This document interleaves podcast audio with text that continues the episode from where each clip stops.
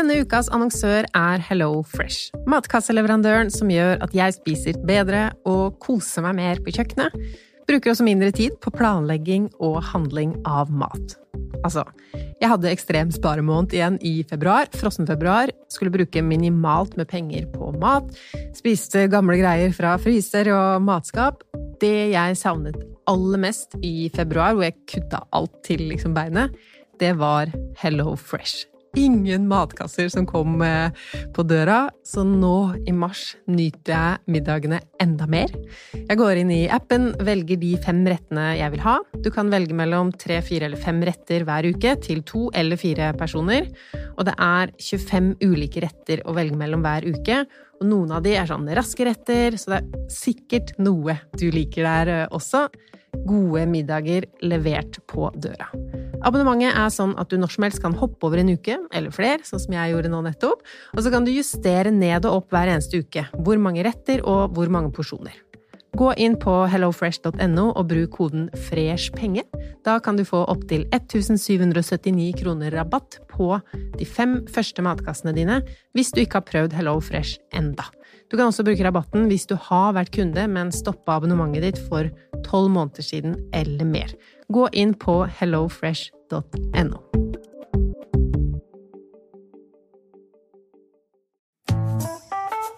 Har du et enkeltpersonforetak eller en liten bedrift? Da er du sikkert lei av å høre meg snakke om hvor enkelt det er å sende faktura med fiken. Så vi gir oss her, fordi vi liker enkelt. Fiken superenkelt regnskap. Prøv gratis på fiken.no.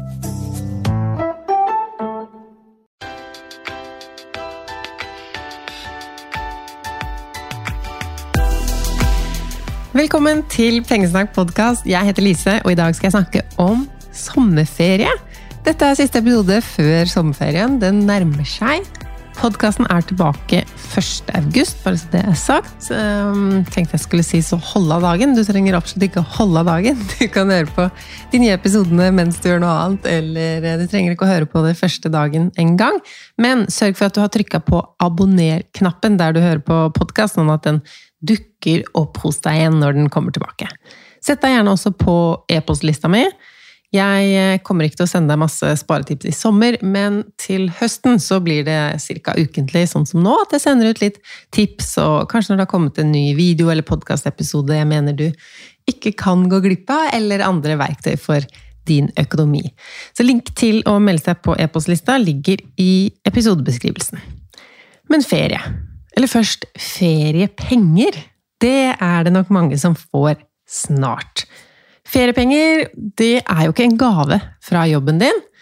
Det er jo sånn at du får litt mindre penger hver måned i løpet av året fordi arbeidsgiver sparer for deg. Og det er jo lurt, fordi da får du litt penger den måneden du ikke jobber. La oss si du har fri fire uker i juli.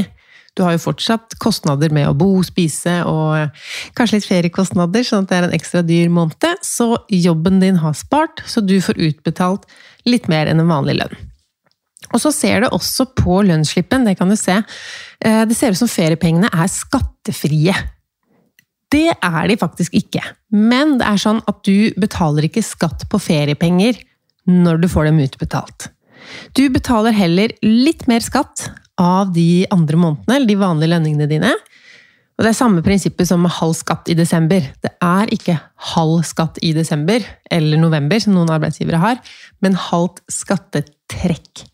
Så at det ikke trekkes skatt av feriepengene dine, betyr ikke at feriepenger er skattefritt. Du får, altså Skatten din beregnes på alt du har tjent, men det deles da på de andre månedene, sånn at du betaler mer skatt da.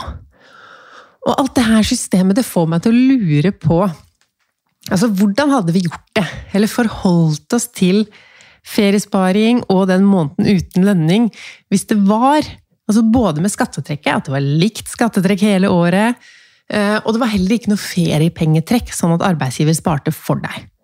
Du fikk en sum som var lik hver eneste måned, men kanskje null da, i juni eller juli. Det høres jo ikke ut som en drøm å ha en måned uten lønn, men kronemessig hadde det jo blitt likt. Du hadde fått litt mer hver eneste måned i lønn, både fordi det ikke trekkes feriepenger, og fordi skattetrekket var jevnt fordelt. Jeg veit ikke, jeg har ikke tenkt så nøye på dette, men det slår meg liksom at staten eller arbeidsgiver hvem som har funnet på dette. Det er jo en lov, faktisk. Ferieloven.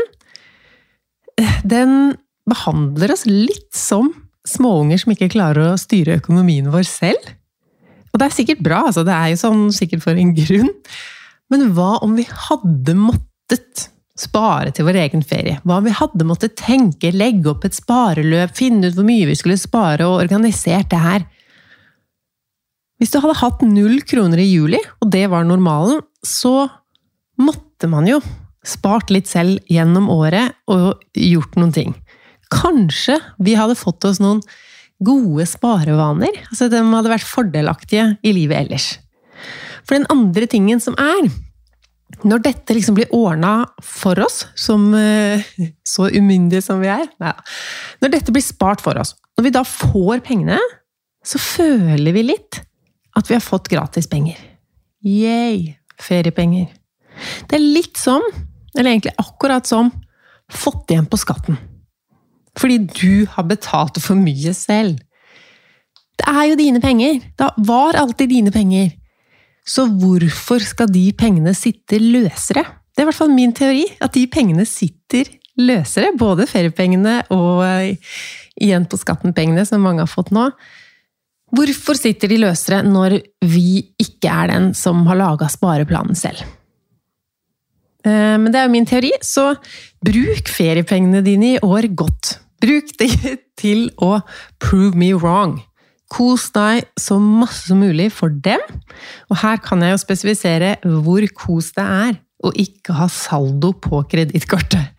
Så gjør det du kan med den der dyre gjelda. Um, skal du lage budsjett for ferien og feriepengene dine? Kanskje? Jeg vet at noen av dere har budsjett året rundt for å slippe å ha budsjett i sommerferien. Eller dere sparer året rundt for å slippe å eh, spare inn i ferien. Da skal det brukes. Um, selv tenker jeg så billig som mulig, uten at det går på bekostning av hvor bra vi har det. Det gjelder jo i eh, livet ellers, men også i ferien. Eksempel se litt på priser. Det koster meg ingenting, og det gir meg faktisk mer å tenke at oi, nå var jeg smart, vi kjøpte Eller ikke oi, det er jo gjennomtenkt. Vi kjøpte en eh, firepakning med is istedenfor én og én is. Alle får is, ingen lider noe nød, og vi sparte penger, som gjør at vi enten kan unne oss en is oftere, eller spare pengene til noe vi ønsker oss mer. Vi skal jo faktisk på ferie i år, min familie og meg. Her skal det masseproduseres minner. Vi skal være på hytta masse, så klart. Det er jo vår eh, sommer- og feriedestinasjon nummer én. Men hytta skal også leies ut en uke, og det er den uka vi drar, da drar på tur. Planen var egentlig Legoland, da landet stengte ned i mars 2020. Eller mer konkret, barnehagen stengte mars 2020. Jeg var ganske nygravid og kvalm. Tom hadde korona, som eh, var veldig heftig da. Vi kjøpte 15 kilo Lego brukt, sånn at sønnen vår ikke skulle kjede seg. da. Og han var, og er, frelst. Altså, Lego er best. Så det var planen for lenge siden, eh, og når vi skulle dra på sommerferie denne sommeren, at vi da skulle dra til Legoland. Men så så vi en YouTube-video fra Dyreparken, en familie som var der, og ble enige om vi reiser dit istedenfor. Alle elsker Dyreparken, virker det som, det vi eh, hører og hva folk sier. Eneste negative Folk sier at det er dyrt, og at maten kunne vært bedre. Og jeg syns ikke det er så rart at det er dyrt. Det er jo veldig mange dyr som skal tas hånd om øh, på en god måte. Det er bevaringsprogrammer. Skuespillere og andre som skal ha lønn ikke sant? i Kardemommeby og rundt i parken ellers. Men det er jo fortsatt mye penger for en barnefamilie, da, som man jo gjerne er. Flere enn én person. Jeg kan jo si hva vi har betalt, for den som lurer. Eller først hva vi har kjøpt. Vi har kjøpt inngang til parken i tre dager. Vi skal ikke tilbake hit på noen år, så jeg vil ha god tid til å få med alt uten å måtte løpe rundt eller gå glipp av noe. Og så håper jeg da det er bra nok vær til at en del timer blir tilbrakt i badelandet, som ligger ved siden av. Så tre dager. Det er billigere å kjøpe tre dager ett år enn én dag tre år på rad, så tenker jeg det blir eh, bedre. Yngstegutten vår er jo fortsatt ganske liten, så vi skal ha god tid. Vi skal også overnatte på Dyreparken hotell i to netter, med to frokoster og med balkong. Det var litt dyrere med balkong på rommet. Nesten ikke, faktisk, men grunnen til at vi gjorde det Tom og jeg er jo ikke akkurat kjent for å oppgradere ting, men fordi vi har to barn som forhåpentligvis da skal sove på kvelden. Og da kan jo ikke vi gå noe sted. Vi skal sitte på balkongen. Spille spill, ha ferie. Bare oss to. Så la det være varmt den uka. Eh, men hva koster det? Eller kanskje jeg skal si hvorfor vi valgte overnatting der òg. Det fins jo rimeligere overnattingsalternativer. Vi ville prioritere å bo nærme parken, sånn at vi slipper å eh, måtte kjøre. Sette oss i en bil og kjøre til Dyreparken, og da har vi også nærheten til eh, rommet vårt hvis eh, han yngste skal sove på dagen. Så det var derfor. Dette koster 11 881 kroner. Da er det altså inngang, tre dager, overnatting to dager og frokost to dager. Så det som gjenstår, det er jo lunsj, middag, snacks, altså frukt og is i løpet av dagen. Men vi ville jo spist om vi var hjemme også. Så er det jo masse annet, ting og tang, der inne som man kan bruke penger på, og det tenker jeg vi holder til et minimum. Gjentar nok eh, lommepengesuksessen fra 17. mai, der snart seksåringen fikk sine egne penger. Og grunnen til at jeg tenker det, er at da slipper vi mas. Kan jeg få det, kan jeg få det, kan jeg få det? Og hvorfor får jeg ikke det? Og kan heller veilede han gjennom å få mest av det han ønsker, for den summen han har. Jeg kan rapportere tilbake til dere til høsten hvordan eh, det går. Formålet med det her er jo at han skal få et praktisk forhold til det å håndtere en økonomi. Han er jo liten. Fordelen med det er jo at da er det rom for å feile og lære med små beløp, enn om han ikke skulle få prøve seg før han var 18 eh, år og man kan ta opp kredittkort, eh, forbrukslån. Eh, det er bedre å feile med små summer, så vi lar han heller bestemme over noen penger nå. På 17. mai så funka det veldig fint.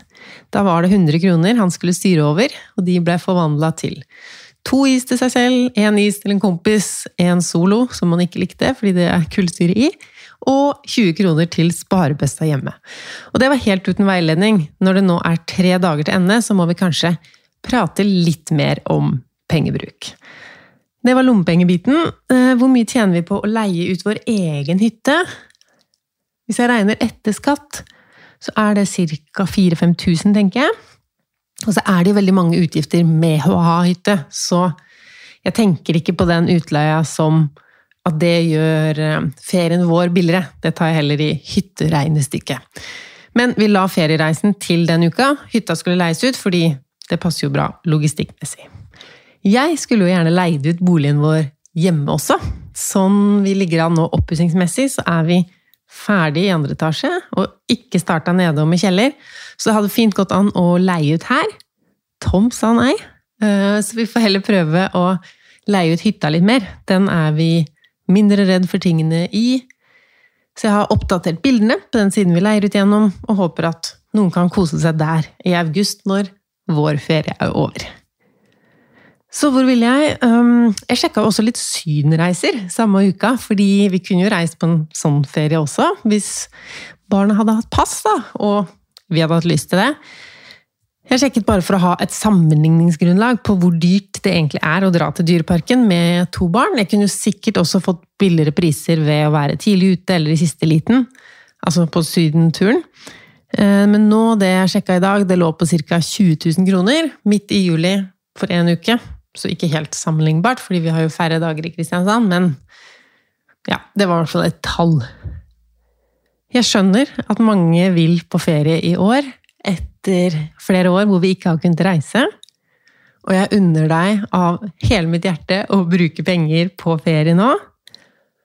Men når jeg får meldinger om at folk med hundretusener i kredittkortgjeld og forbrukslån trenger en sydenferie, så får jeg litt vondt i magen.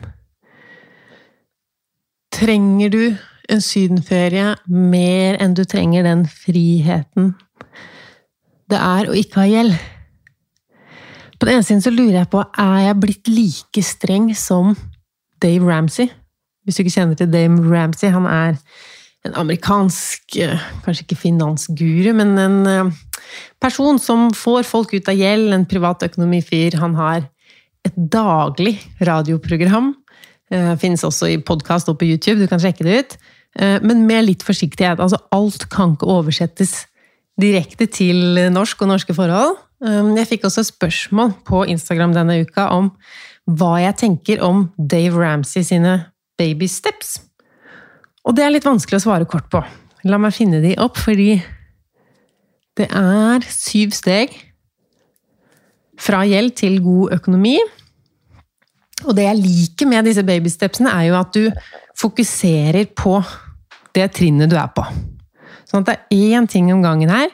Og det tror jeg gjør det enklere å starte på en reise, og å klare det uten å bli overvelda. Men om jeg er enig i alle stegene Skal vi se her. Babystep nummer én er å spare 1000 dollar for Your Starter Emergency Fund. Det er jo for å kunne betale små det skulle si små og store kriser, men da er det jo heller små. Det er jo ikke et veldig høyt tall. For vi må jo kanskje oversette summen til norsk. Da tenker jeg ikke bare i kroner og øre, men også til norske forhold. Altså hvilke kriser er det som kan skje? Når det er noe med helse, her i Norge f.eks., så er vi jo mye bedre stilt enn amerikanerne.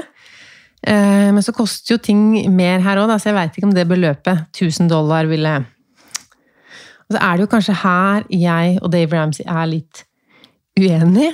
Har du masse gjeld, så er jeg usikker på hvor mye jeg tenker du skal spare på konto som ditt første steg. Hvis du tenker at det skulle skje noe uventa, la oss si du får en parkeringsbot da, og du har brukt alle pengene dine på gjeld, du har ikke noe eh, spart opp, da kan du jo betale den parkeringsboten med lånte penger igjen. Hvis du ikke får lønning igjen før den må betales.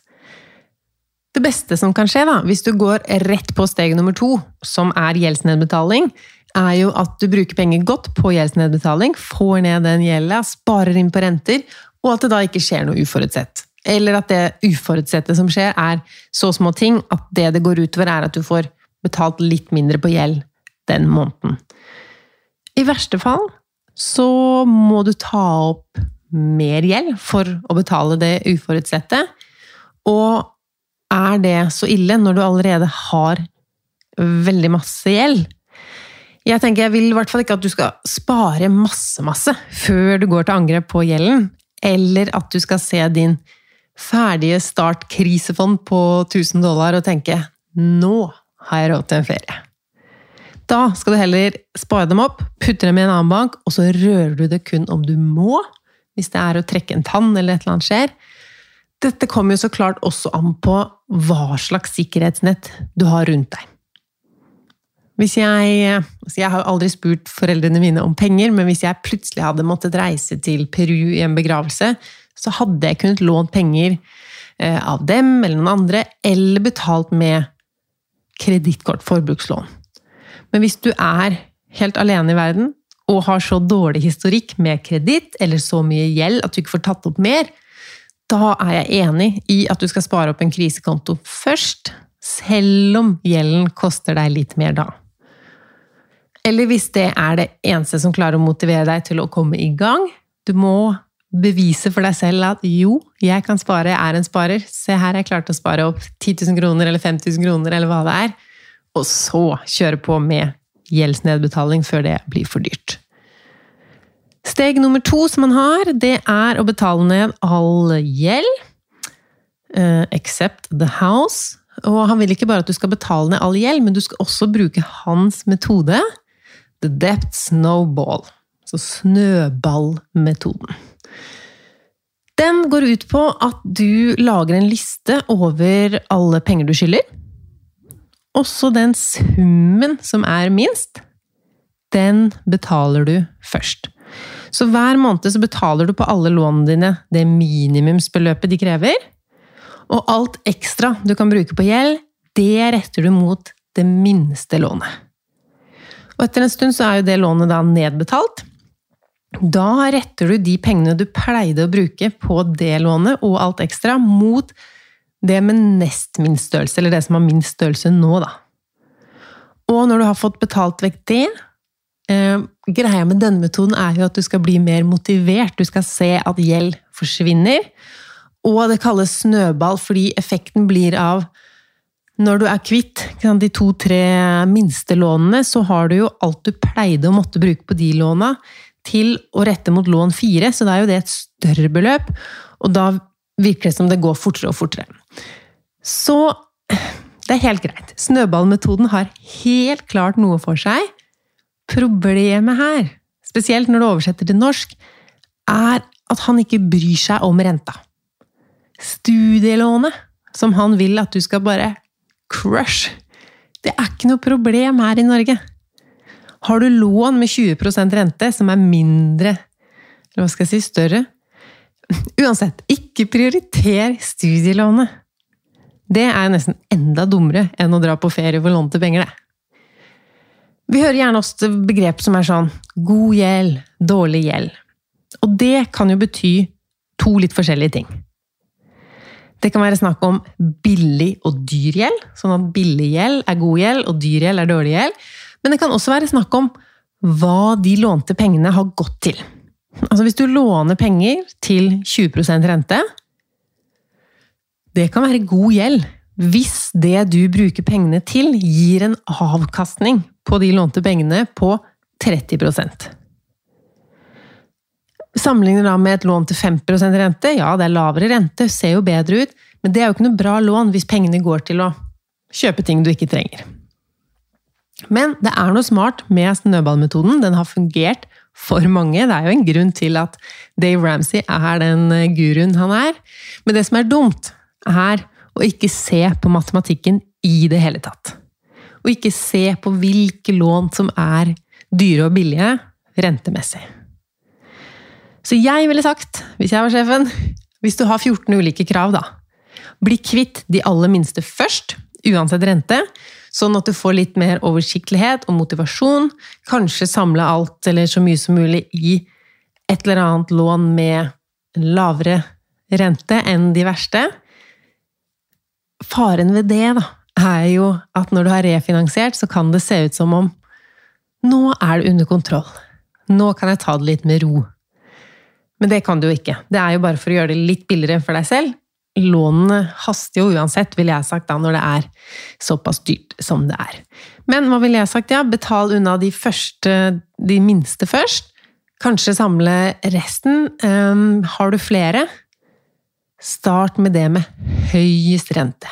Betal minimumsbeløpet på alle andre. Sørg for at du ikke misser noen betalinger, da blir det veldig dyrt.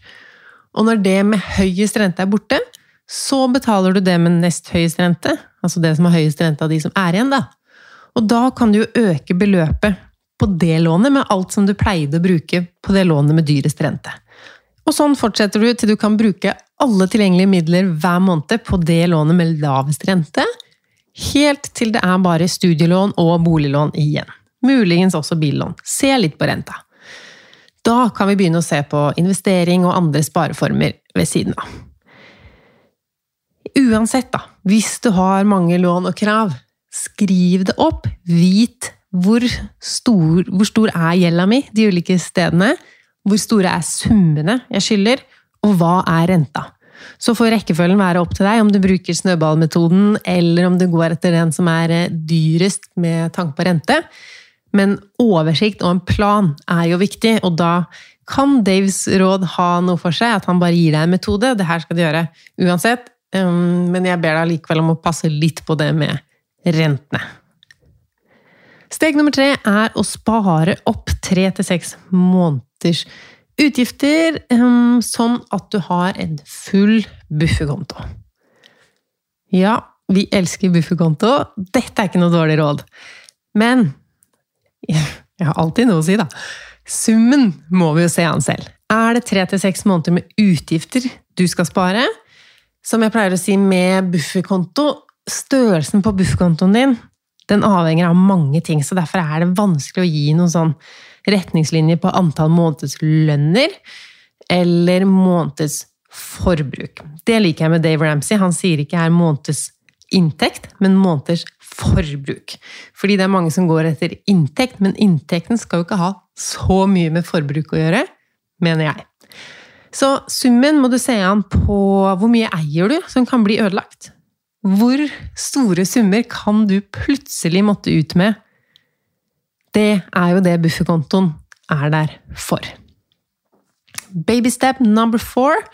Han vil at du skal investere 15 av eh, inntekten til husholdningen din til retirement, altså pensjon. Og 15% det føles litt som et tall som bare er eh, tatt, fordi man veit jo ikke hvor gammel er denne personen, eh, og har man fullført babystepsa med gjeld og sånn um, Hvis man ikke har spart noe fra før, da, og er 60 år nå, ønsker en alderdom med mye penger, så er kanskje ikke 15% nok. Eh, og er du ung, så trenger du jo ikke å spare så mye til pensjon. Da ville jeg prioritert andre ting først. Og samtidig kunne du jo spart mindre og fortsatt ha råd til en god pensjon. Jeg lurer veldig på hvor han har det nummeret, det tallet 15 fra, men å spare litt hver måned der er vi enige. Så om det er til alderdommen eller hva som helst, men sette av en del av eh, inntekten sin til sparing, definitivt. Superbra. Neste steg så skal vi Save for your children's college fund. Og det gjør vi jo ikke her i Norge. Kanskje vi ville sagt spar til bolig for barna dine, ikke studier. Dette er noe jeg tenker ikke har noe å gjøre i en syv steg til god økonomi. I Norge, i alle fall. Babystep nummer seks handler om pay off your home early. Igjen.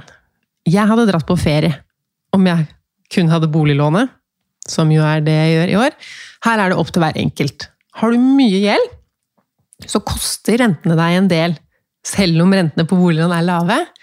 Men om det er verdt å liksom betale like heftig ned på huslån som vi gjør med dyrelån, det er det jo ikke. Og så er det jo altså, å betale ned huslånet tidlig. Det er jo veldig relativt, det med tidlig. Så jeg vet ikke hva han sier. Jo, han sier her Any extra money you can put towards your mortgage could save you tens or even hundreds of thousands of dollars. Ja, det, er jo ikke dumt å betale ned på huslånet, men eh, noen hundrelapper mer på lånet hver måned gjør at du totalt bruker mindre tid på lånet, og derfor sparer rentekroner. Aller siste babystep. Nå er vi snart eh, Hva skal man kalle det? Hva sier han egentlig at dette er? Det er jo altså fra å være i gjeld til å ha en helt superøkonomi. Det siste steget er å bygge Hva sier vi? Wealth? Formue? Eller velstand? Uh, and give. Så den er fin. Jeg ville kanskje fokusert på det med å gi litt penger uh, litt før vi er på babystep nummer syv. Kanskje ikke mens du er i uh, å ha masse gjeld selv, men i hvert fall samtidig eller før å spare til barna og nedbetale huset helt. Alt i alt, Dave Ramsays babysteps er ikke dumme, men ikke ta det som regler skrevet i stein eh, og tilpasset norske forhold, for det er det ikke. Men jeg og Dave er enige om å prioritere gjeld, og der er vi tilbake på grunnen til at jeg kom inn på han i det hele tatt. Ehm, skal man dra på ferie i år om man har kredittkortgjeld? Det klarer ikke jeg å si ja til. Jeg unner deg ikke å betale så mye ekstra for en tur som det du da må, og utsette nedbetaling av allerede eksisterende gjeld. Og kanskje er jeg for streng? Dave Ramsey sier at den eneste gangen du skal se innsiden av en restaurant mens du holder på med gjeldsnedbetaling, er hvis du jobber der. Den er streng. Jeg er enig i at du ikke skal spise på fancy restauranter ukentlig hvis du har masse dyr gjeld, men å ikke delta på f.eks. en bursdag eller å kunne ta seg en kveld på uterestaurant i sommer.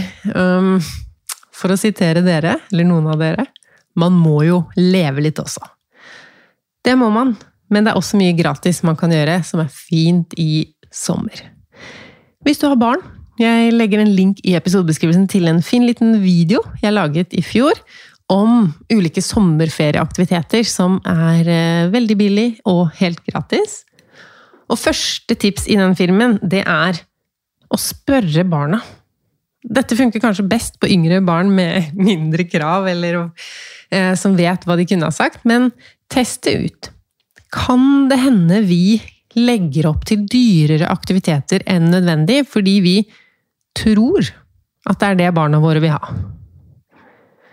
Altså hvis du spør, og det dattera di ønsker seg er å bade i en innsjø, kjøpe en kjempestor vannmelon, da trenger du ikke billetter til badeland eller sydentur eller hva det er nå du tenkte at jo, såpass må det være, jeg vil jo gi datteren min det beste. Finn aktiviteter som alle vil gjøre. Har dere lite tid sammen i hverdagen, så er det kanskje tid sammen dere trenger, og foreldre som er til stede. Jeg har hørt så mange fortelle hvor overraska de har blitt over hva de har hørt på slutten av ferien. Når man spør liksom, hva har dere gjort i ferien, så er det så små, billige eller gratis ting som har festa seg sterkest som ferieminner. Vi har fiska krabber, og vi fikk en kjempestor, og den kunne krabbe sidelengs. Eh, nå snakker jeg om småunger, altså ikke 15-åringer. Jeg skjønner at det er dyrere å ha tenåringer, og at de har andre krav til ferie, men bada i spreder hos en kompis. Overnatta i sovepose på trampolinen. Jeg lærte å svømme i sommer. Jeg var på en gård hvor vi kunne plukke mais, og så grilla vi det etterpå. Så det blir jo testen til høsten hos meg, da, når vi nå drar til Dyreparken. Er det det som blir historien om denne ferien? Eller er det ukene på hytta og hjemme? Jeg gleder meg i hvert fall til begge deler. Hvilke tips kan jeg gi deg inn i ferien? Jeg liker ikke å være hun kjipe som sier 'husk at det kommer en høst', eh, men hun er jeg. Og jeg tror det er derfor du hører på meg òg. Du vil eh, ikke at jeg skal gi deg tillatelse til å bruke penger du ikke har, eller penger du burde prioritert annerledes. Det kommer en høst hvor du ja, først og fremst ikke vil være blakk, og enda verre ikke vil fortsette å betale for en ferie i månedsvis. Um, men det jeg vil du skal ha, da Ha en skal vi kalle det, strategi eller plan, eller Jeg mener jo at man kan dra på ferie uten å skal si, makse alt. Har du hørt den aller første episoden av denne podkasten? Det begynner å bli lenge siden nå, men der delte jeg mine beste sparetips.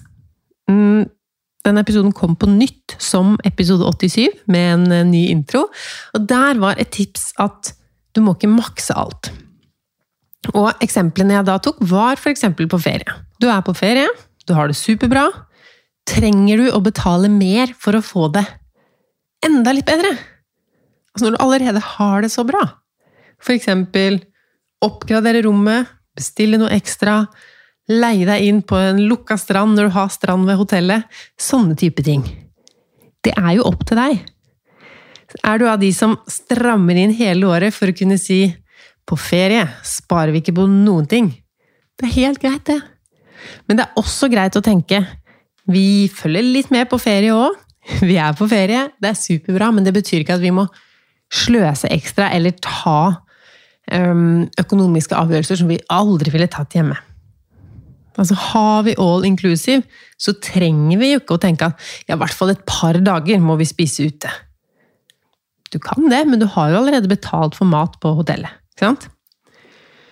Så om du vil spare inn hele året for å makse alt på ferie, eller være bevisst også på ferie for å kunne ha en ferie hvor Nå vet jeg ikke åssen det er med reisemål. altså Når det kommer til reisetips, så er det ikke meg du skal spørre, men er det litt sånn at hvis det er dyrt å dra til et sted hvor det er billigere å bruke der du er, og billigere å dra til steder hvor ting er dyrt?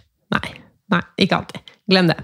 Men er du bevisst på at småpenger også har en verdi? Du trenger ikke å makse alt. Det kommer en høst. Kanskje vil vi på ferie i vinter også? Eller ha nok penger til å kunne gi oss selv noen opplevelser eller ting som gir oss noen gode følelser også utenom ferien. Så ingen fasit, men velg hva som er riktig for deg. Skal du både være den som unner deg ting her og der i hverdagen, og på ferie sparer vi i hvert fall ikke på noe. Da må du sørge for å tjene mye penger. Som igjen kan føre til en runddans der du fortjener enda mer ferie, fordi du jobber jo så mye, og så Ja, du veit, vi skal ikke gå ned der. Vi skal over til en helt annen ting. som jeg vet gir mange litt hodebry nå. Det er hyggelig at folk gifter seg. Og selv elsker jeg bryllup. Ikke alle gjør det, men eh, også i år, med utsatte feiringer fra 2020, 2021, pluss nye brudepar og bryllup. Det er mange som skal i bryllup i år.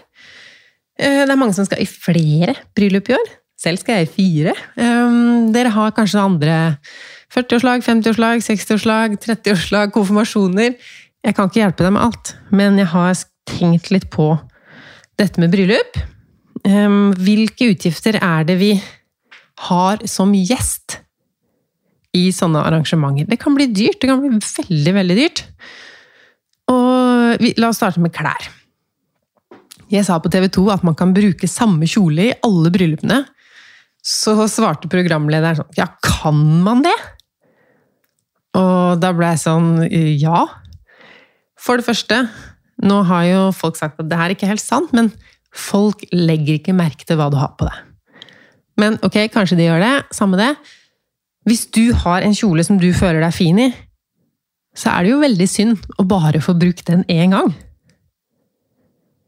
Og hvis noen spør er ikke det samme kjolen du hadde på deg i Katrines bryllup?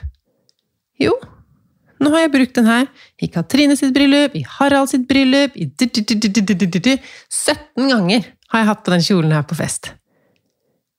Så er jo det fint, bra, miljømessig, etisk Ingenting i veien med å bruke de samme klærne mange ganger. Det er jo det vi alle burde.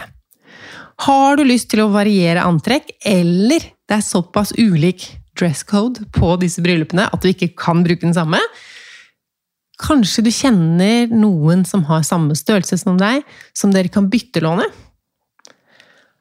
Og så fins det jo så mange steder nå hvor du kan kjøpe brukte klær. Du kan leie. Så akkurat den klesutgiften Det er sikkert ikke det du bekymrer deg mest for heller, men uh, i hvert fall hvis du tenker at åh, her må jeg gå med den samme kjolen igjen. Så tenk på at jeg ville vært stolt av deg. Men liksom hele bryllupet Hvis det er et sted du må reise, og det er det jo nesten i alle bryllup, så er det ikke sånn at alle må reise, men noen må reise.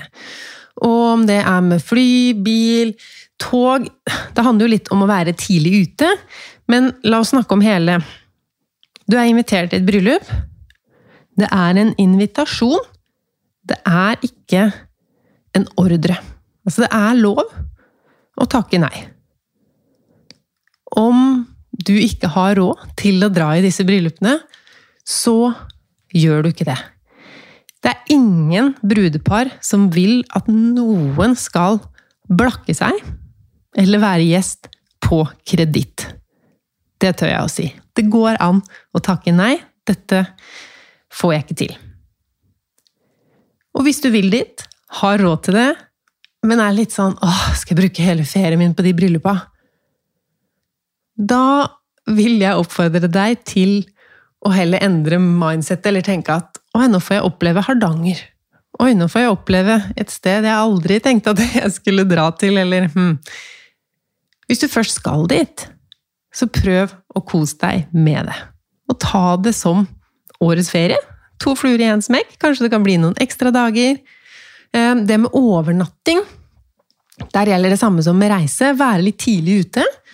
Sjekke mulighetene. Altså Brudeparene, hvis det er et bryllup på hotell, så har de kanskje en eh, kode. Du må være ute før en spesiell dato. Kan du med noen andre bryllupsgjester leie et helt hus sammen?